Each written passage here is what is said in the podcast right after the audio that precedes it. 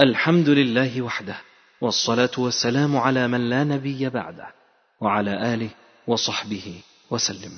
أما بعد فيسر إخوانكم في تسجيلات السلف الصالح بالإسكندرية أن يقدموا لكم هذه المادة والتي هي بعنوان سلسلة دين الحقد والخرافة لفضيلة الشيخ الدكتور محمد إسماعيل. والآن نترككم مع فضيلة الشيخ. الدرس الخامس عشر. هل صدق سعد زغلول؟ هل صدق سعد زغلول؟ هل صدق سعد زغلول؟ الحمد لله رب العالمين. الرحمن الرحيم. مالك يوم الدين. والعاقبة للمتقين. ولا عدوان إلا على الظالمين. وأشهد أن لا إله إلا الله وحده لا شريك له. وأشهد أن محمدا عبده ورسوله. اللهم صل على محمد وعلى آل محمد كما صليت على آل إبراهيم إنك حميد مجيد. اللهم بارك على محمد وعلى آل محمد كما باركت على آل إبراهيم إنك حميد مجيد. أما بعد فنتدارس هذا المساء الفصل الأخير من هذه الرسالة المباركة مسألة التقريب بين أهل السنة والشيعة للدكتور ناصر ابن عبد الله القفاري. يقول وبعد أن تعرفنا على أسس الخلاف وأوجهه بين أهل السنة والشيعة ثم آراء دعاة التقريب في ذلك وتبين لنا أنهم لم يجرؤوا على تغيير الباطل واكتفوا بالكلام العام عن التقارب. واكتفى بعض دعاة التقريب من الشيعة بالنفي المطلق لما هو واقع موجود في كتبهم. وردد بعض دعاة التقريب من السنة هذه الآراء. وكانت النتيجة مجرد تستر على الباطل وذر للرماد في العيون أو دعوة جاهلة غافلة عن الحقائق الخطيرة في ذلك. ولا شك أن إخفاء الداء والتستر على المرض لا يعني علاجه وحسمه بل إنما يعني استمراره واستفحاله. كما أن هناك كثيرا من الروافض يجاهر اليوم بأشد مما هو واقع في كتبهم وأفدح. ولذا رأينا أن محاولات التقريب لم تصل إلى علاج في هذا الشأن الخطير والأمر العسير. وبقيت عقدة الخلاف أو اللغز. كما يسميه بعض الروافض وهو الاختلاف في مصادر التلقي أو بتعبير آخر الاختلاف في أصول العقائد والأحكام. ولهذا بعدت الشقة بين الفريقين ووصلت محاولات التقريب إلى طريق مسدود. فهل من طريق لحل هذه العقدة؟ كيف يمكن أن نحقق التقارب والتآلف وإيصاد باب الفتن وإرجاع الألفة والمحبة بين الطائفتين؟ سنعرض في هذا الفصل ما وجدناه من آراء العلماء والمفكرين في ذلك والطرق المتصورة لحل هذا الخلاف والوصول إلى التقارب. فيذكر الطريق الأول وهو أنه لا سبيل إلى رفع الخلاف وتحقيق التقارب والروافض مصرون على شذوذهم عن جماعة المسلمين. ولا نملك الوصول معهم إلى نتيجة في حوار أو مناظرة أو مؤتمرات للمباحثة لاختلافنا معهم في أصول العقائد والأحكام. فعلى هذا لا ينبغي مناظرتهم أو مكالمتهم أو تدارس الخلاف بيننا وبينهم فهم على دين آخر. يقول الإمام أبو يعلى رحمه الله تعالى ولو ذهب ذاهب إلى ترك مناظرة الروافض ومكالمتهم لكان قد ذهب مذهبا ليس ببعيد. وذلك أن المتناظرين إنما يتناظران ويردان إلى أصل قد اتفق عليه. والأصول التي ترجع إليها الأمة فيما اختلفت فيه إنما هو الكتاب والسنة وإجماع الأمة وحجج العقول. وهذه الأصول الأربعة لا يمكن الرجوع إليها على قول الرافضة وذلك أن مذهبهم أن الكتاب مغير مبدل وأنه قد ذهب أكثره فلا يأمن أن يرد إلى آية فتكون منسوخة بآية من القرآن الغائب عنا الذي هو عند الإمام.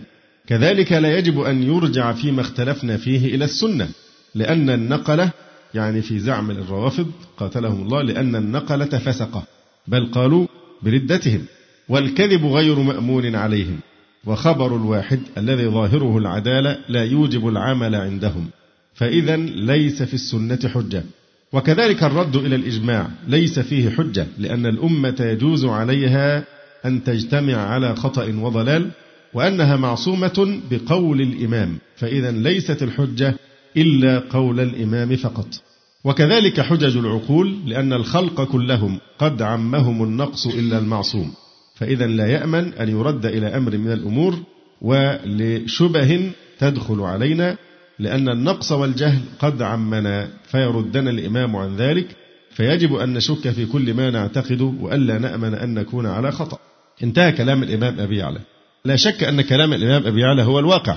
فالقرآن الكريم حتى عند دعاة التقريب من شيوخ الشيعة الذين ينكرون فرية التحريف هو عندهم ناقص كما قاله شيخهم وآيتهم أغا بزرك الطهراني. أو أن لديهم قرآنا آخر كما يقول شيخهم وآيتهم الخراساني أو أن له تفسيرا نزل من عند الله وهو اليوم عند منتظرهم كما يقول شيخهم الخوئي أو أن رسول الله صلى الله عليه وسلم قد أخفى قسما من القرآن وأودعه عليا كما يقول شيخهم وآيتهم الملقب عندهم برئيس الإسلام والمسلمين جعفر صاحب كتابهم المعتمد عند شيعة الحاضر كشف الغطاء. فكيف يمكن الرجوع عند النزاع إلى كتاب الله؟ وهذه مزاعم شيوخهم المعاصرين ودعاة التقريب منهم في كتاب الله. وكذلك السنة فهي تختلف عندهم في مفهومها ومدلولها وفي كتبها ورجالها وفي أسانيدها ونصوصها. عما عندنا فكيف يمكن الرجوع عند النزاع إلى السنة والحجة عندهم في أقوال المعصومين؟ ويردون ما نقله الصحابة رضوان الله عليهم عن المعصوم صلى الله عليه وآله وسلم. وشيخ الشيعة وداعية التقريب آل كاشف الغطاء يزعم أن الرسول صلى الله عليه وسلم كتم جزءا من الشريعة وأودعه عليا فالصحابة لم يتلقوا إلا جزءا من الشريعة. وأهل السنة الذين اعتمدوا رواية الصحابة لم يعملوا طيلة عصورهم إلا بجزء من الشريعة. فكيف يتم الحوار بجزء من الشريعة؟ وكيف نرد النزاع إلى حكايات الرقاع؟ والعقل والتاريخ فضلا عن الشرع يحكمان بكذبها. وهم يكفرون صحابة رسول الله صلى الله عليه وسلم الذين أثنى الله عليهم ورسوله صلى الله عليه وسلم ويكفرون أعلام الأمة وروادها. ولهذا يردون كتب السنة عند الأمة ولا يعولون عليها في مقام الاستدلال ويحتجون بروايات شذاذ الآفاق وأقوالهم ومن يعتقد التحريف في القرآن كالقمي والكليني والطبرسي والمجلسي والنوري وغيرهم. وهم يرفضون إجماع الأمة ويعتبرونها بغير إمام حي معصوم ضالة تائهة. فكيف بعد هذا؟ نرد نزاعنا إلى الكتاب والسنة والإجماع وهذا معتقدهم فيها. فهم لا يرون حجة إلا كتبهم التي يزعمون روايتها عن الاثني عشر المعصومين. وحتى القرآن العظيم هو تابع في تفسيره لما رسم في كتبهم من روايات. لهذا يرى الكوثري أنه لا يمكن الحديث في موضوع التقريب مع أحد من شيوخ الشيعة إلا إذا كان حائزا للتفويض من الطائفة. في الاعتراف بسقوط تلك الكتب الأربعة صحاحهم الأربعة من مقام الاعتداد. وذلك لما حوته من الروايات الباطلة الماسة بكتاب الله وبالسنة الواردة بطريق رجال الصدر الأول مما لا يتصور مصادقة أهل السنة عليه لاستحالة تخليهم عن الكتاب والسنة. إذا هذا الكوثري أيضا يرى أنه لا يمكن أن يبدأ حوارا مع أي شيخ من شيوخ الشيعة حول التقريب بين المذهبين إلا إذا كان معه تفويض من طائفته الروافض بأنه مفوض في أن يعترف بسقوط صحاحهم الأربعة أو كتابهم الأربعة من مقام الاعتداد والحجية لأنه إذا ثبت أن هذه الكتب تحتوي هذه الطمات من الطعن في القرآن والطعن في السنة إلى آخره فهنا ينبغي إسقاط هذه الكتب وإلغاء حجيتها تماما. لابد يكون معه تفويض حتى نبدأ الإيه؟ التفاهم. ويرى الشيخ موسى جار الله أنه لن يجدي أي كلام في التقريب وأي مؤتمرات لتحقيق التآلف ما لم يقم مجتهد الشيعة بنزع تلك العقائد التي تطعن في القرآن والسنة والصحابة والأمة من كتبهم. بعد عرض هذا الطريق الأول وهو الذي يرى أنه لا فائدة من الحوار مع الروافض لأنهم لهم دين ونحن لنا دين وعللوا موقفهم هذا كما رأينا من القاضي أبي يعلى والشيخ موسى جار الله وأيضا الشيخ الشنقيطي رحمه الله تعالى كما سبق ذكرنا ذلك. فهو يعني هذا الموقف يرى أنه ما يصلح التقارب معه أبدا إلا بالرجوع عن أصولهم وكتب التي تحتوي هذه الضلالات وكي يبقى هناك نوع من نفس الإطار المرجعي يتحكم إليه عند التنازع وإلا فلا تقارب على الإطلاق ولا يبدي أي جهد في هذا المجال. يناقش الدكتور القفاري هذا الرأي ويقول إن الموقف الذي يرفض مكالمتهم ومحاورتهم إنما هو موقف سلبي لا يتفق وقواعد الإسلام في الدعوة إلى الله والأمر بالمعروف والنهي عن المنكر. ثم إن التزامك بعدم مناظرتهم أو مكالمتهم لا يعود بالضرر عليهم لأنهم ماضون في ردودهم وافتراءاتهم. فلا بد من اتخاذ موقف إيجابي. لكن قد يرد على هذا أن كل الناس اللي حوله أن يتخذ موقفا إيجابيا رجعوا بنفس النتيجة أنه زي سعد زغلول ما قال مفيش فايدة. الطريق الثاني يقول لنتفق جميعا على أن لكل دينه ومعتقده.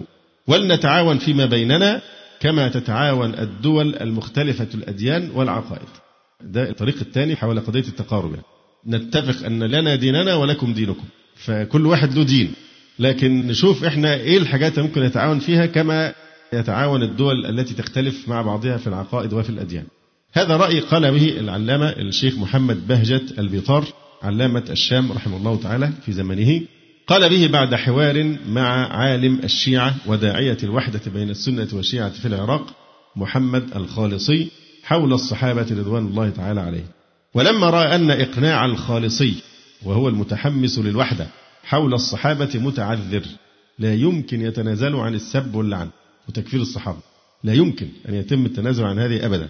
وأن الرجل قد لج في تعصبه وتمسك بمعتقده أعلن هذا الرأي. أعلن هذا الرأي اللي هو ممكن نتعاون معه كل واحد يبقى له دين ولكن نتعاون في بيننا كما تتعاون الدول الإسلامية مع اليهود والنصارى والملاحدة والشيوعيين ونحو ذلك. عادي. هل يستجيب الروافض لهذا الرأي؟ هل الروافض يستجيبون لمثل هذا الرأي الذي ينادي للتعامل كما تتعامل الأمم والدول المختلفة الأديان والعقائد؟ يقول لقد رأينا أن شيوخهم الخالصية والموسوية وغيرهما من أساطين الرفض لا يرون وحدة إلا على أساس سب الصحابة ويمكن قبل كده جبنا تصريحات عجيبة لبعضهم في مثل هذا إنه ما ينفع يفتحوا تفاهم خاص لازم إحنا نكفر الصحابة ونسب الصحابة ونلعنهم رضي الله تعالى ونبغضهم. يقول لقد رأينا أن شيوخهم الخالصية والموسوية وغيرهما من أساطين الرفض لا يرون وحدة إلا على أساس سب الصحابة رضي الله عنهم والرجوع والتلقي عن كتب الروافض المشحونة بالإفك والبهتان ولما قامت حركة التقريب في مصر وأعلنت أن هدفها هو إعادة الصفاء والود بين الطائفتين والتقريب بين أهالي المذهبين مع تمسك كل بما عنده رأينا أن هذا مجرد شعار وواجهة وأن المنهج المرسوم الذي بدأ تنفيذه هو نشر عقيدة الرفض بين أهل السنة بوسائل وأساليب مختلفة. ثم إنه بعد دعوة التقريب هذه أخرجت مطابع الروافض عشرات الكتب التي تطعن في القرآن والسنة والصحابة والأمة. وعلى رأس هذه الكتب كتاب الغدير. فهل هذا الطريق للتقريب سوى مجرد ستار لنشر الرفض وأن يهاجمونا ونسكت وينشروا باطلهم ونتوقف عن نشر الحق الذي معنا وإذا رديت على شتائمهم يقول لك يا للوحدة أنت تقضي على الوحدة أنت تدمر فكرة التقريب. هذا إذا حاولت أن ترد على باطلهم كما حصل من الشيخ رشيد رضا وغيره. لقد نشر أحد شيوخ الشيعة رأيهم صراحة في هذا المنهج على صفحة مجلة المنار فقال ودع عنك قول بعضهم دعوا البحث فيما يتعلق بالدين والمذهب وهلم إلى التعاون على توحيد الكلمة وجمع الأمر قبالة المستعمر فإن ذلك لغو من القول. وبيعلق على الرأي ده ده شيعي بيعلق على هذا الرأي يقول ده لغو من القول وخطر من الرأي وكأنها مقالة من لا يرى الإسلام دينا ولا يرى أن هناك حياة أخرى خالدة غير هذه الحياة. وإنما يرى الإسلام رابطة قومية وجامعة سياسية فهو يدعو إليها ويحض عليها. ثم ذكر هذا الشيعي أن الخلاف بين الفريقين هو في أرسى قواعد الإسلام وأقوى دعائمه. وأنه لا بد من حسم ذلك بالبرهان وإلا فإن التعاون بأي شكل من الأشكال متعذر. وإن حدث فهو مبني على المجاملة وغير مأمون العاقبة بمعنى أن الغدر والخيانة هي عاقبته كما يعترف هذا الرافضي. وعقب الشيخ رشيد رضا على رأي الشيعي هذا بأن تاريخ الشيعة مع أهل السنة يؤيده فهو تاريخ حافل بالغدر والخيانة وممالأة الأعداء ومناصرتهم ضد أهل السنة. اهتم الشيخ محمد رشيد رضا رحمه الله تعالى برأي الرافضي السالف الذكر والذي لا يرى تقاربا بأي شكل من الأشكال إلا بنزول السنة على مذهب الشيعة. وطلب من مجتهد الشيعة الشيخ رشيد رحمه الله طلب من مجتهد الشيعة أن يعلنوا رأيهم صريحا في هذا الأمر على صفحات مجلة المنار أو في مجلتهم العرفان فلم يجيبوا وكأن ذلك إقرار منهم بما فيه. ولما التقى بمجتهدهم الأكبر محمد حسين آل كاشف الغطاء في مؤتمر القدس كلمه في هذا الموضوع فأنكر ذلك بلسانه ولم يكتب ذلك. وطلب من رشيد أن يطلب منه الكتابة في ذلك على صفحات المنار وفعلا طلب ذلك الشيخ رشيد وجاء جواب آل كاشف الغطاء بعد ذلك مخالفا لما قاله لرشيد في المؤتمر. فلم يعلن فيما كتبه رأيه صريحا حاسما في ذلك. وهذا يدل على أن الروافض لا يقبلون هذا التعاون إلا إذا كان في ذلك نشر لمذهبهم. وأيام التاريخ مليئة بمؤامراتهم وخياناتهم ومؤازرتهم للأعداء. ومن أبرز الأسباب في ذلك أن هؤلاء الروافض لا يؤمنون بشرعية حكومة إسلامية إلا حكومة المنتظر الذي غاب منذ أكثر من أحد عشر قرنا. ولهذا وجد الأعداء مدخلا إلى قلوبهم من هذا الطريق. يقول شيخ الإسلام ابن تيمية وكأنه يعيش معنا الآن في العراق. يقول شيخ الإسلام رحمه الله تعالى وهو رجل كل العصور. دايما بنحتاج كلام شيخ الإسلام مهما تجددت المناسبات ونجد كأنه حي معنا بعقله وإبداعه. يقول رحمه الله تعالى في الرافضة وكثير منهم يواد الكفار من وسط قلبه. أكثر من مودته للمسلمين. ولهذا لما خرج الترك الكفار من جهة المشرق وقتلوا المسلمين وسفكوا دماءهم ببلاد خراسان والعراق والشام والجزيرة وغيرها كانت الرافضة معاونة لهم على المسلمين. وكذلك الذين كانوا بالشام وحلب وغيرهما من الرافضة كانوا من أشد الناس معاونة لهم على قتال المسلمين. وكذلك النصارى يعني هو اللي بيقتلوا في العراق الهجوم على البيوت معينة وقتل ناس معينين. الأمريكان أغبى وأجهل إن هم يعرفوا لغة عربية ويعرفوا جغرافيا المكان إلى آخره.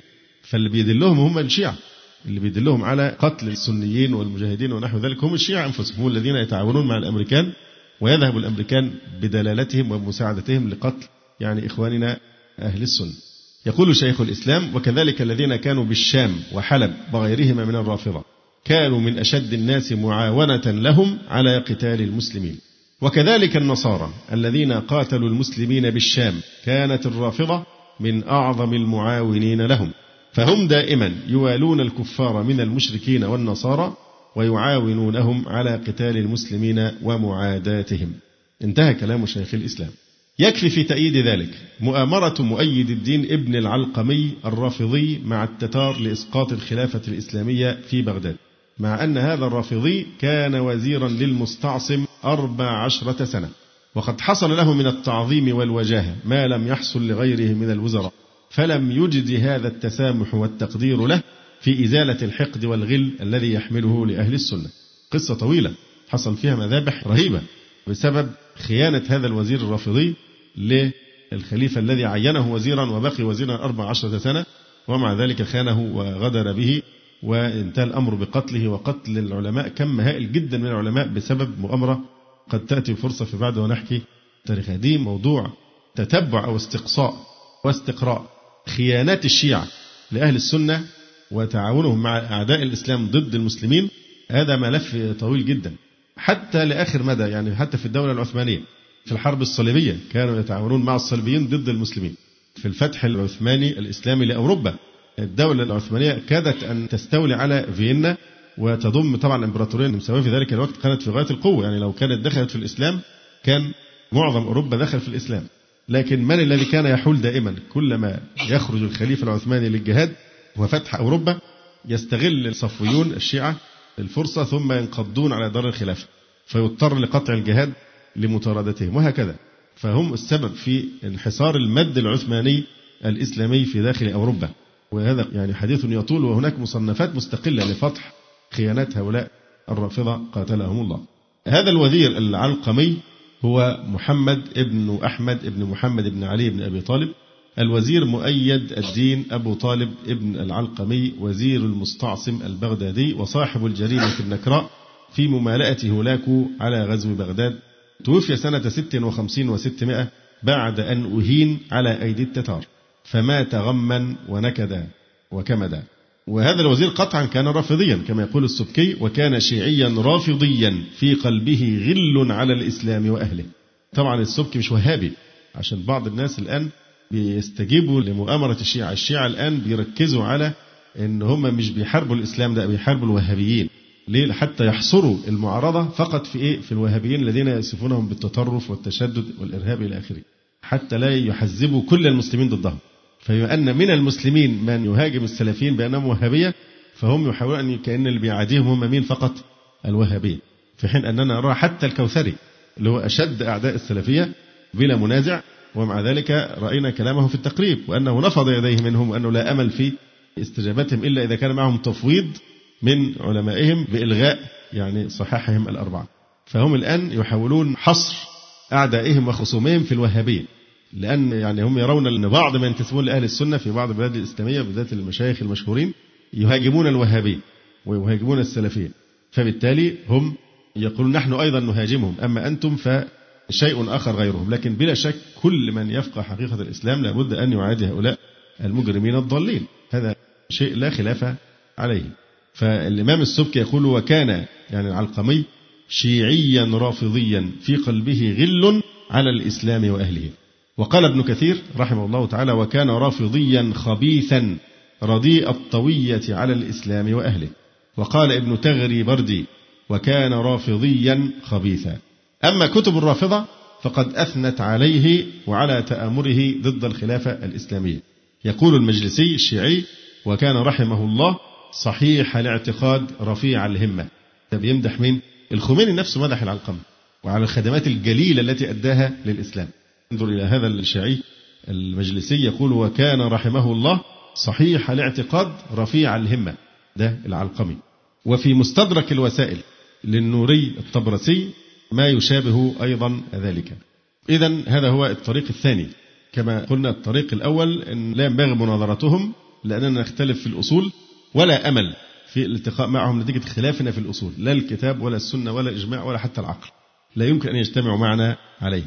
الطريق الثاني نقول أن كل واحد له دينه ونتعاون في بيننا كما تتعاون إيه؟ الدول المختلفة في العقائد والأديان. الطريق الثالث يرى أن التقريب يتم بأسلوب التفاوض والحوار حول أسس الخلاف ونتيجة ذلك هي التي تحدد الموقف من قضية التقريب. ولكن لابد من وضع ضوابط وأصول يرجع إليها عند الخلاف. تبدأ من الاتفاق أولا على الأصول وأولها القرآن الكريم وذلك قبل الدخول معهم في الحوار. حول المسائل التفصيلية في الخلافة ونحوها. فهذا الشيخ عثمان الدمياطي يضع أصولا للدخول مع الروافض في حوار أو مناظرة ويعلم ذلك تلاميذه. فيذكر الشيخ الدمياطي أنه لا بد أولا أن يتفق على الأصل الأول في الإسلام. القرآن العظيم فيقال للرافضي هل تؤمن بأن ما بين دفتي المصحف كلام الله المنزل على سيدنا محمد صلى الله عليه وسلم؟ المتعبد بتلاوته المتحدى بأقصر سورة منه فإن أنكر ذلك أو شك فيه فلا يحتاج إلى المناظرة معه بل تجري عليه أحكام الكافرين. وكذا إن اعتقد أن في القرآن تغييرا أو تبديلا لأنه مكذب لقول الله تعالى إنا نحن نزلنا الذكر وإنا له لحافظون وإذا أقر واعترف بأن ما بين دفتي المصحف كلام الله تعالى المنزل على سيدنا محمد صلى الله عليه وسلم المتعبد بتلاوته المتحدى بأقصر سورة منه يتلو عليه أو يكتب له في ورقة بعض الآيات التي أنزلها الله تعالى ثناء على الصحابة رضي الله تعالى عنهم. كقوله تعالى يا أيها النبي حسبك الله ومن اتبعك من المؤمنين وقوله لكن الرسول والذين آمنوا معه جاهدوا بأموالهم وأنفسهم وأولئك لهم الخيرات وأولئك هم المفلحون. أعد الله لهم جنات تجري من تحتها الأنهار خالدين فيها. ذلك الفوز العظيم. وقوله تعالى والسابقون الأولون من المهاجرين والأنصار والذين اتبعوهم بإحسان رضي الله عنهم ورضوا عنه. وأعد لهم جنات تجري تحتها الأنهار خالدين فيها أبدا. ذلك الفوز العظيم. وكقوله تعالى لقد رضي الله عن المؤمنين. إذ يبايعونك تحت الشجرة فعلم ما في قلوبهم فأنزل السكينة عليهم وأثابهم فتحا قريبا. وكقوله سبحانه محمد رسول الله والذين معه أشداء على الكفار رحماء بينهم إلى قوله تعالى وعد الله الذين آمنوا وعملوا الصالحات منهم مغفرة وأجرا عظيما. وقوله تعالى لا يستوي منكم من أنفق من قبل الفتح وقاتل. إلى قوله وكلا وعد الله الحسنى. مع قوله إن الذين سبقت لهم منا الحسنى أولئك عنها مبعدون. وقوله تعالى للفقراء المهاجرين الذين أخرجوا من ديارهم وأموالهم إلى آخر الآيات. ثم بعد تلاوة هذه الآيات أو كتابتها في صحيفة يقول له السني هذه الآيات من القرآن العزيز أنزلها الله تعالى مثنيا بها على أصحاب النبي صلى الله عليه وسلم وشاهدا لهم بأنهم صادقون ومخبرا بأن لهم الجنة. وقد أقر بأنها آيات الله فيلزمه ترك الطعن عليهم والقدح فيهم لأنك إن فعلت ذلك كنت مكذبا بما تضمنته هذه الآيات وتكذيب آيات الله كفر فما تقول في ذلك؟ فإن قال هذه الآيات لا تشملهم قلنا يدفع ذلك قوله تعالى وكلا وعد الله الحسنى وكلا سواء قبل الفتح أو بعده وكلا وعد الله الحسنى. ثم يواصل الشيخ ذكر أصول المناظرة على هذا النحو فيذكر أنه إن قال بأن الصحابة ارتدوا إلا قليلا خمسة أو ستة كما هو المشهور عن الرافضة فهذا تكذيب لله ولرسوله صلى الله عليه وسلم. وإنكار للحقائق المتواترة فلا يجري معه مناظرة بل ينبغي ألا يخاطب لأنه غير عاقل بل غير مسلم. وإن اعترف بالآيات والأحاديث التي جاءت في الثناء عليهم فحين ذاك يصار للبحث والمناظرة في مسألة استحقاق الخلافة ونحوها. ويكون المرجع عند الخلاف الكتاب والسنة الصحيحة والإجماع. ولكن كثيرا ما يرفض الروافض الاتفاق على هذه الأصول إلا تقية. يقول الدكتور القفاري وقد حدثني سماحة الشيخ عبد الله بن حميد رحمه الله تعالى أن الرافضة في عهد الملك فيصل رحمه الله قد أرسلوا لعلماء السعودية يطلبون فيها جلسة حوار معهم. فإن تبين كما يقولون أن الحق مع السنة اتبعه الجميع. وإن كان مع الشيعة اتبعه الجميع. وبهذا يرفع الخلاف ويكون التقارب والتآلف. فكان من إجابة علماء السعودية أنه لا مانع لدينا من ذلك. ولكن لا بد من الاتفاق على أصل يرجع إليه عند الخلاف. وهو كتاب الله عز وجل وصحيح السنة وعلى رأسها صحيح البخاري. وأرسلوا بذلك إليهم وانتظروا منهم الجواب ولم يصل لهم جواب. والسبب في ذلك إيه السبب؟ ليه هم بيخافوا قوي إنك تقول لهم نتحاكم للقرآن والسنة الصحيحة؟ ليه؟ نعم. نعم صحيح. يقول السبب في ذلك أن الروافض لا يمكن أن يثبتوا شذوذهم في ضوء كتاب الله والسنة الصحيحة. فجوهر مذهبهم هو الإيمان بالاثنى عشر إماما. ولا ذكر لهم في كتاب الله وسنة رسول الله صلى الله عليه وسلم. وعشان كده لجأوا إلى إيه؟ إلى القول بتحريف القرآن أو إلى تفسير الباطني لآيات القرآن أو إلى الكذب في الروايات التي ينسبونها إلى أئمة في سنتهم المزعومة عن طريق الأئمة وليس السنة الصحيحة. فلذلك هم لا يقبلون مسألة أنك ترجع للقرآن. هو الكلام يتقال قدام العوام فقط الاستهلاك المحلي استهلاك الدعائي بس عشان إيه؟ يخدعوا عوام الناس ويقولوا كيف تقولون نحن نقول بتحريف القرآن؟ إننا نكذب ونقطع ونحلف أن ما بين الدفتين هو كتاب الله. طيب إيه بقى اللي بين الدفتين؟ الدفتين اللي مع المهدي في السرداب ولا الدفتين بتوع المصحف بتاعنا ده؟ فلازم يكون الإنسان حذر لأنه أحيانا يستعملون التعريض وأحيانا لا يحتاجون للتعريض لأنهم يكذبون بلا أدنى تحرج بسبب موضوع التقية. فإيه رأيكم؟ سعد زغلول عنده حق. آه، كل ما تدرس منهج معين تجد نكائس ان يجي منهم فائدة يعني. قاتلهم الله. زيك توبتهم صعبة جدا. أنا تحدثت مع الشيخ بن باز رحمه الله تعالى يمكن في سنة 79 ميلادية أو 80. فكان في بداية الثورة فكنت اناقشه عنهم ورايه فيهم قال لي هؤلاء مثل يهود يعني لا ترجى لهم توبة. يعني إلا أن يشاء الله سبحانه وتعالى يعني نسمع نصارى كتير أسلموا لكن يهود قليلون جدا بسبب قسوة قلوبهم. ولذلك أحد الشيوخ الأفاضل عمل كتاب في مجلدين كبيرين سماه بذل المجهود في بيان مشابهة الرافضة لليهود. سأحاول أن ألخصه لكم إن شاء الله فيما بعد. ففي أوجه شبه شديدة جدا بين الرافضة وبين اليهود منها أنه صعب جدا أن رافضي يتوب من ضلاله إلا أن يشاء الله سبحانه وتعالى. يقول هذا الطريق يشبه الطريق الأول. يعني هو هنا الأول بيقول ما فيش فايدة. المذهب الثاني بيقول ده دين وده دين ونعمل علاقات زي العلاقات بين الأمم المختلفة في العقيدة لكن في تقارب يعني اقتصادي وكذا وكذا. المذهب الثالث بيقول لا لازم نحاورهم ونناظرهم بس بشرط إن الأول نتفق معاهم على القرآن والسنة يبقى ده بيرجع لإيه؟ للمذهب الأول. نفس الكلام. ده بيقول بس نحاول يعني إن إحنا نناظرهم يعني. فإذا نتيجة هذا الطريق تؤدي إلى القول الأول. فهو يرى أنهم إن طعنوا في كتاب الله لا يناظرون لأنهم غير مسلمين. وإن كفروا صحابة رسول الله صلى الله عليه وسلم رضي الله عنهم أيضا لا يناظرون. وهذا عين موقف الفريق الأول. إلا أن الأول يقرر الموقف منهم ابتداء لأن عقائدهم معروفة. فلا حاجة إلى التعرف إليها من خلال محاورتهم. وهذا يقرر التعرف إلى عقائدهم من خلال المناظرة والحوار. والمشكلة أن في الموقف الأخير ده بتاع الحوار هو ممكن يختبئون وراء الإيه؟ التقية والخداع والكذب. وده شيء محير. الطريق الرابع يرى أصحابه أن المسلك للتقارب هو الاحتجاج بالقرآن وما أجمع الفريقان على صحته من السنة ويقول الدكتور سعيد الأفغاني وهو أستاذ العربية في كلية الآداب بجامعة دمشق ورئيس قسم اللغة العربية وأدبها يقول الفريقان الشيعة وأهل السنة مجمعون على الاحتجاج بالقرآن الكريم ثم يختلفون في الاحتجاج بالروايات والأحاديث. فبعض أهل السنة يروون الأحاديث والروايات في باب الفضائل وحروب الصحابة لا يأخذ بها الشيعة.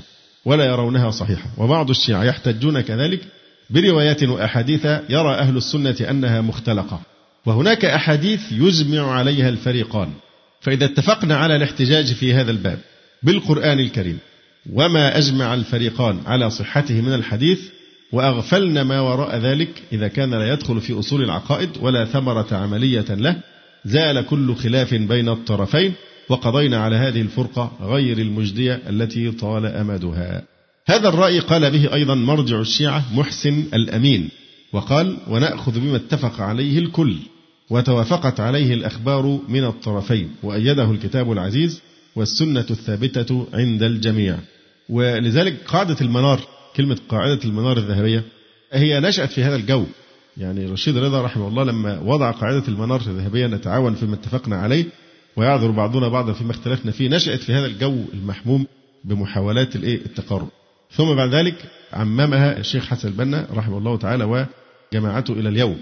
أيضا من مراجع الشيعة محسن الأمين ذهب لنفس الطريق نأخذ ما اتفق عليه الكل وتوافقت عليه الأخبار من الطرفين وأيده الكتاب العزيز والسنة الثابتة عند الجميع. كما أن دار التقريب في القاهرة تبنت هذا الرأي وقالت رأت دار التقريب بين المذاهب الإسلامية أن تقوم بمشروع علمي إسلامي جليل الشأن. ذلك هو جمع الأحاديث التي اتفق عليها الفريقان في مختلف أبواب الإيمان والعمل والأخبار والأخلاق وغير ذلك من أبواب السنة المطهرة. تجمع الأحاديث المتفق عليها في كل باب ويبين مع كل حديث مصدره من كتب السنة ومن كتب الشيعة ودرجاته عند كل من الفريقين. ويمكن إصدار ما يتم من ذلك على سبيل التدرج جزء بعد جزء حتى يكمل المشروع بإذن الله ويومئذ يجد فيه المسلمون مرجعا متفقا عليه صالحا للاحتجاج به والاحتكام إليه. لكن هذا المشروع الذي أعلنت عنه الدار مش حتى نقول ولد ميتا لكنه إيه؟ لم يولد أصلا. يناقش الدكتور القفاري ويقول له هذا الرأي مبني على أصول غير صحيحة. أولا هو مبني على سلامة موقف الرافضة من كتاب الله عز وجل. وهذا خلاف الواقع إن قلنا تحكم عمل الكتاب وهم أصلا يطعنون في كتاب ولذلك في كتاب رائع جدا اسمه علماء الرافضة يقولون أنا أعتقد كتاب جمعه في غاية الذكاء لأنه هو الكتاب لم يدخل فيه تقريبا بكلمة واحدة من عنده. وإن كتاب عبارة عن صفحات معينة من كل المراجع المقدسة عند الرافضة كل المراجع المعتمدة مصور لك الغلاف المجلد نفسه الغلاف شكله إيه ومطبوع فين ومصور الصفحة وعامل باللون الفسفوري الموضع اللي هو فيه الطعن في القرآن أو تكفير الصحابة أو نحو ذلك من هذه الأشياء. فما بيتكلم من عنده بأي شيء هو كله تصوير من كتبهم مش نقل حتى. فطبعا دي أسلوب ذكي جدا في إقناع المخالف أو الغافل عن هذه الحقائق أن يرى هذا في كتبهم وفي مراجعهم المعتمد. فهذا مبني على وهم إن هم متفقين معنا على كتاب الله. فين كتاب الله عند الرافضة؟ إذا كنتم تقصدون القرآن هو القرآن الذي بين أيدينا هذا. فما موقفكم من كتبكم المقدسة التي هي طافحة بالطعن في القرآن الكريم؟ وبماذا تحكمون على التبرصي وغيره ممن ألفوا في إثبات تحريف القرآن الكريم؟ تحكم عليهم بإيه دول؟ وإيه الموقف الذي يجب أن نتخذه؟ يبقى ده الكلام الإيه؟ العملي. إذا هذا الموقف غير صحيح ومبني على أصول غير صحيحة لأنه يدعي سلامة موقف الرافضة من كتاب الله وهذا خلاف الواقع لأنهم موقفهم من القرآن الكريم كما يعني أسلفنا. ثانيا يفترض أن مفهوم السنة بين الفريقين واحد وإنما الخلاف يعني بعض الأحاديث فقط. دي في بعض الأحاديث في بيننا وبينهم خلاف. لكن طبعا ده خلاف الواقع لأن سنتنا تماما غير سنتهم. ثالثا هذا المذهب أو الطريق مبني على أنه لا خلاف بين أهل السنة والشيعة في أمور تمس العقيدة والأصول. وهذه ونقولها بكل مرارة لا تتفق وحقيقة الأمر. يعني بيدوروا على الأحاديث المشتركة بيننا وبينهم في الأخلاق وكذا وكذا. طب والأصول العقيدة فين؟ ده أنت كأنك بتتجاهل تماما الخلاف الذي بيننا وبينهم في أصول الإيمان وأصول العقيدة. رابعا وهو ينطوي على ترك الأخذ بمجموعة من الأحاديث من الجانبين. ولا أحسب أن هذا سيكون محل تسليم من الجميع. ثم هو غير عملي فالروافض أجمعوا على صحة أساطيرهم التي تنال من صحابة رسول الله صلى الله عليه وسلم وترد مروياته. وأهل السنة لا يمكن أن يدعوا ما جاء في كتاب الله وسنة رسول الله صلى الله عليه وسلم من الثناء عليهم. وقل مثل ذلك في الأصول الأخرى فعلى أي يمكن الاتفاق. أما هدف الروافض من تبني هذا الرأي فهو الأخذ بالأحاديث الضعيفة أو الموضوعة والأحاديث المؤولة على غير وجهها الصحيح من طريق السنة لخدمة شذوذهم كما هو واضح في كتبهم التي تدافع عن مذهبهم. أما الطريق الخامس فيرى أن تصفية الخلاف يكون بأسلوب التفاوض والتفاهم حول الأصول المختلف عليها وأن يكون الحكم بين الطائفتين كتاب الله عز وجل مع الرجوع في تفسيره إلى لغة العرب وترك الروايات المتنازع حولها. ذلك أن الشيعة يفسرون القرآن على ضوء رواياتهم وأهل السنة يفسرون القرآن في ضوء رواياتهم ومن هنا ينشأ الاختلاف والتنازع. فليكن القرآن العظيم هو الحكم الفصل عن طريق فهمه من خلال اللغة العربية. فالله سبحانه أنزل القرآن بلسان عربي مبين وقد اتفق الشيعة وأهل السنة على حدود العربية واتفقوا على ما وضع لمفرداتها من المعاني. ومعنى هذا أن اللغة وحدها هي التي تصلح أن تكون مرجع الحكومة بين أهل السنة والشيعة في أصول الخلاف. ونتيجة هذه الحكومة أن من يحكم له القرآن فرواياته هي المعتمدة. وليكن الحوار في مسألة الإمامة التي انفصلت الشيعة بها عن المسلمين وكفرت الصحابة وردت روايتهم بسببها على زعمهم أنهم رفضوا الإمامة المنصوصة. أشار شيخ الإسلام ابن تيمية رحمه الله تعالى في مناقشته لابن المطهر الحلي إلى هذا المنهج فقال فإن تركوا الرواية رأسا أمكن أن نترك الرواية. ثم طبق هذا المنهج في الاحتجاج وقال مناقشا الروافض في قولهم إن الإمامة ركن من أركان الإيمان. قال وهب أن لا نحتج بالحديث. فقد قال الله تعالى إنما المؤمنون الذين إذا ذكر الله وجلت قلوبهم وإذا تليت عليهم آياته زادتهم إيمانا وعلى ربهم يتوكلون. الذين يقيمون الصلاة ومما رزقناهم ينفقون. أولئك هم المؤمنون حقا. لهم درجات عند ربهم ومغفرة ورزق كريم. فشهد لهؤلاء بالإيمان من غير ذكر للإمامة. وقال أولئك هم المؤمنون حقا. وقال تعالى إنما المؤمنون الذين آمنوا بالله ورسوله ثم لم يرتابوا وجاهدوا بأموالهم وأنفسهم في سبيل الله أولئك هم الصادقين فجعلهم صادقين في الإيمان من غير ذكر الإمامة. وقال تعالى ليس البر أن تولوا وجوهكم قبل المشرق والمغرب إلى قوله تعالى أولئك الذين صدقوا وأولئك هم المتقون ولم يذكر الإمامة. وقال تعالى في أول سورة البقرة ألف لام ميم ذلك الكتاب لا ريب فيه هدى للمتقين إلى قوله تعالى وأولئك هم المفلحون. فجعلهم مهتدين مفلحين ولم يذكر الإمامة وقال وأيضا فنحن نعلم بالاضطرار من دين محمد بن عبد الله صلى الله تعالى عليه وسلم. أن الناس كانوا إذا أسلموا لم يجعل إيمانهم موقوفا على معرفة الإمامة. ولم يذكر لهم شيء من ذلك. وما كان أحد أركان الإيمان لا بد أن يبينه الرسول لأهل الإيمان ليحصل لهم به الإيمان. فإذا علم بالاضطرار أن هذا ما لم يكن الرسول يشترطه في الإيمان علم أن اشتراطه في الإيمان من أقوال أهل البهتان. يناقش هذا الرأي فيقول ولا شك أن المنهج الذي أشار إليه شيخ الإسلام ابن تيمية هو منهج صالح في مجال الاحتجاج عليهم فقط. ولكن موقف الروافض من الأصل الأول وهو القرآن تجعل الإفادة من هذا الطريق متعذرة. الطريق السادس يقول اللي هو طريق المباهلة. المباهلة هي الملاعنة. يعني أن يجتمع القوم إذا اختلفوا في شيء فيقول لعنة الله على الظالم منا. وتقول باهلت فلانا إذا دعوتما باللعن على الظالم منكما.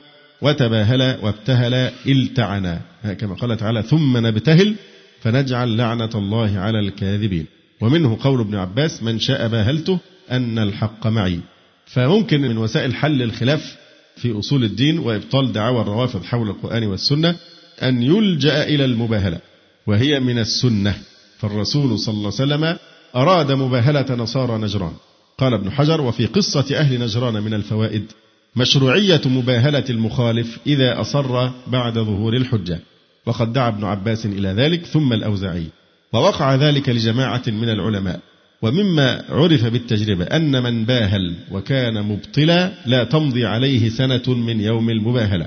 ووقع لي أي ابن حجر ذلك مع شخص كان يتعصى لبعض الملاحدة فلم يقم بعدها غير شهرين. وحصول المباهلة في جمع من الناس يكون له تأثير بإذن الله. وقد عزم شيخ الإسلام ابن تيمية رحمه الله تعالى على المباهلة لمن ادعى أن لديه أسرارا مخزونة وعلوما مصونة لأن ذلك كما يقول الشيخ متعلق بأصول الدين. والروافض يدعون أن عند أئمتهم علوما سرية. كذلك طلب الشيخ إبراهيم الجبهان من شيوخ الشيعة المباهلة على ملأ من الناس وأمهلهم سنة ليجيبوه ولكن لم يتقدم إليه أحد.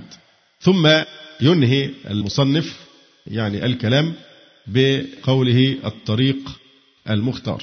يقول لقد تبين لنا من خلال البحث مدى ما عند الروافض من كفر وضلال ومدى الأخطار والأضرار الكبيرة التي احتوت عليها كتبهم التي يسمونها كتب الحديث وعلوم آل محمد صلى الله عليه وسلم. وأنها تصيب المسلمين في صميم دينهم وفي أصول اعتقادهم وأن كثيرا من نصوصها وروايتها هي في الحقيقة باب من أبواب الإلحاد والصد عن دين الله. والواقع أنني لم أذكر في هذا البحث إلا خلاصة موجزة للشر المستطير الذي تحويه وكل دعوة تقريب تستلزم ضمنا الاعتراف بهذه الكتب التي لا يصل الكيد الاستشراقي والتبشيري إلى مستوى ما وصلت إليه من محاولات لتغيير دين الله وشرعه باسم الإسلام. بل إن الاستشراق والتبشير من معينها يرتوي وعلى شبهاتها وأساطيرها يعتمد في إفساده وتآمره على الدين وأهله. ولهذا فإن هناك علاقة وثيقة بل تشابها تاما بين شبهات المستشرقين والمبشرين وآراء الروافض وشرح ذلك لا مجال له. وليس هذا بجديد فمن قديم كان الأعداء يستخدمون آراء الروافض تكأة لهم في محاربة الإسلام وأهله. بل كان جنود الرفض أمضى سلاح في يد الأعداء.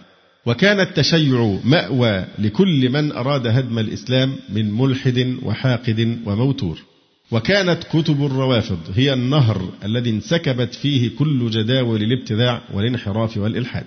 فكانت دعوة التقريب هي البدعة الكبرى التي أرادت أن تعطي الكفر والضلال والإلحاد صفة الشرعية واسم الإسلام.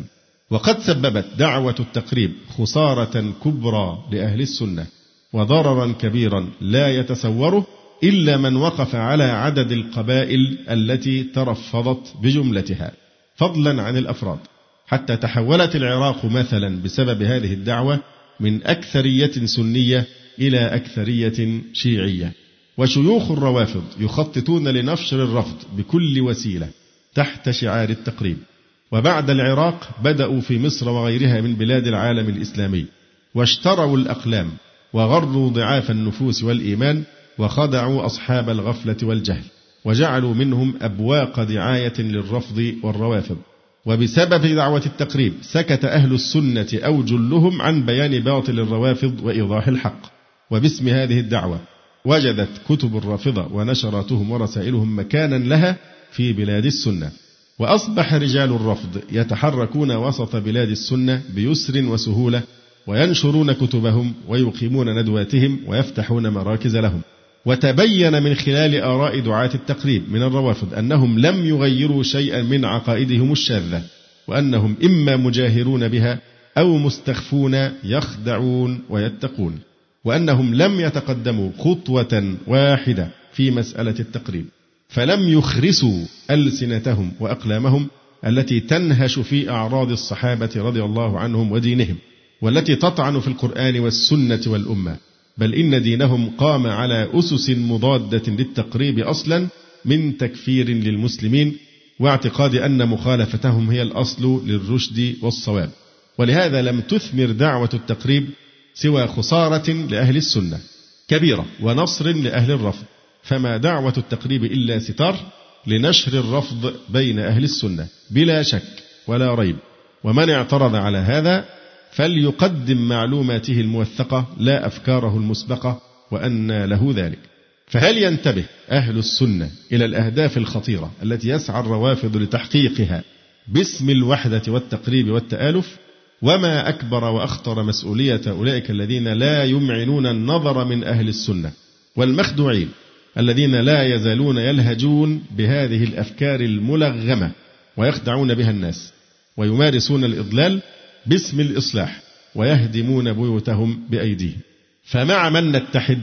معشر أهل السنة مع من يطعن في قرآننا ويفسره على غير تأويله ويحرف الكلم عن مواضعه ويزعم تنزيل كتب إلهية على الأئمة ويكفر الصديق والفاروق وأم المؤمنين وأحب نسائه إليه عائشة رضي الله عنها وطلحة والزبير وغيرهم من أجلة الصحابة رضوان الله عليهم ويرى الشرك توحيدا والإمامة نبوة والأئمة رسلا أو آلهة ويخادع المسلمين باسم التقية.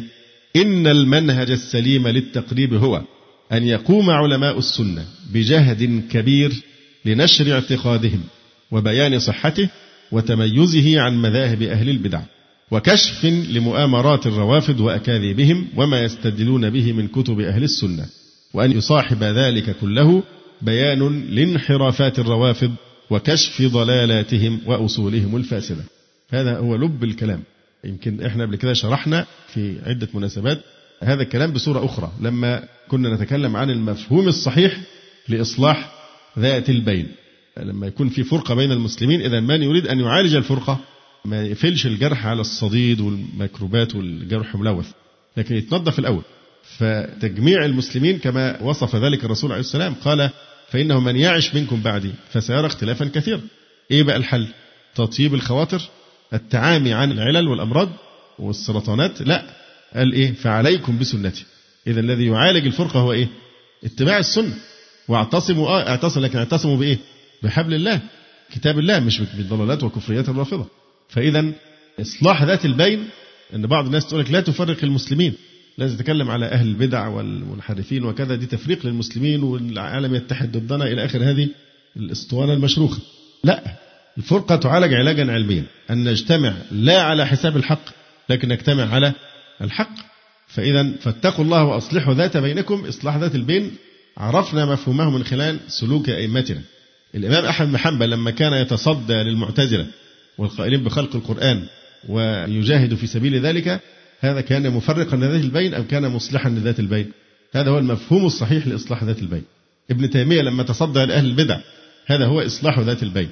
لكي يجتمع الناس على الحق.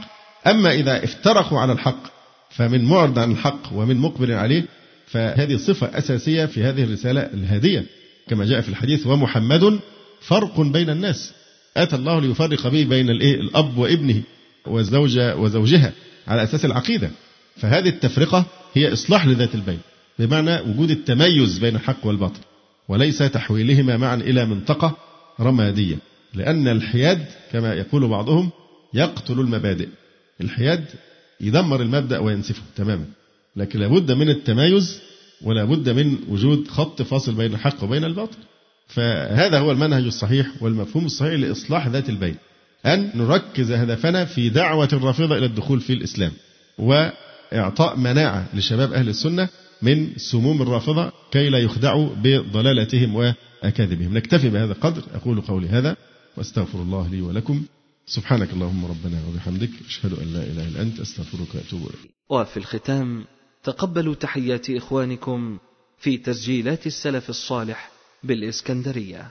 هاتف رقم صفر ثلاثة فاصل أربعة تسعة أربعة سبعة ستة خمسة. اثنان والتليفون محمول صفر عشرة واحد ستة أربعة واحد تسعة ثمانية صفر. والسلام عليكم ورحمة الله وبركاته.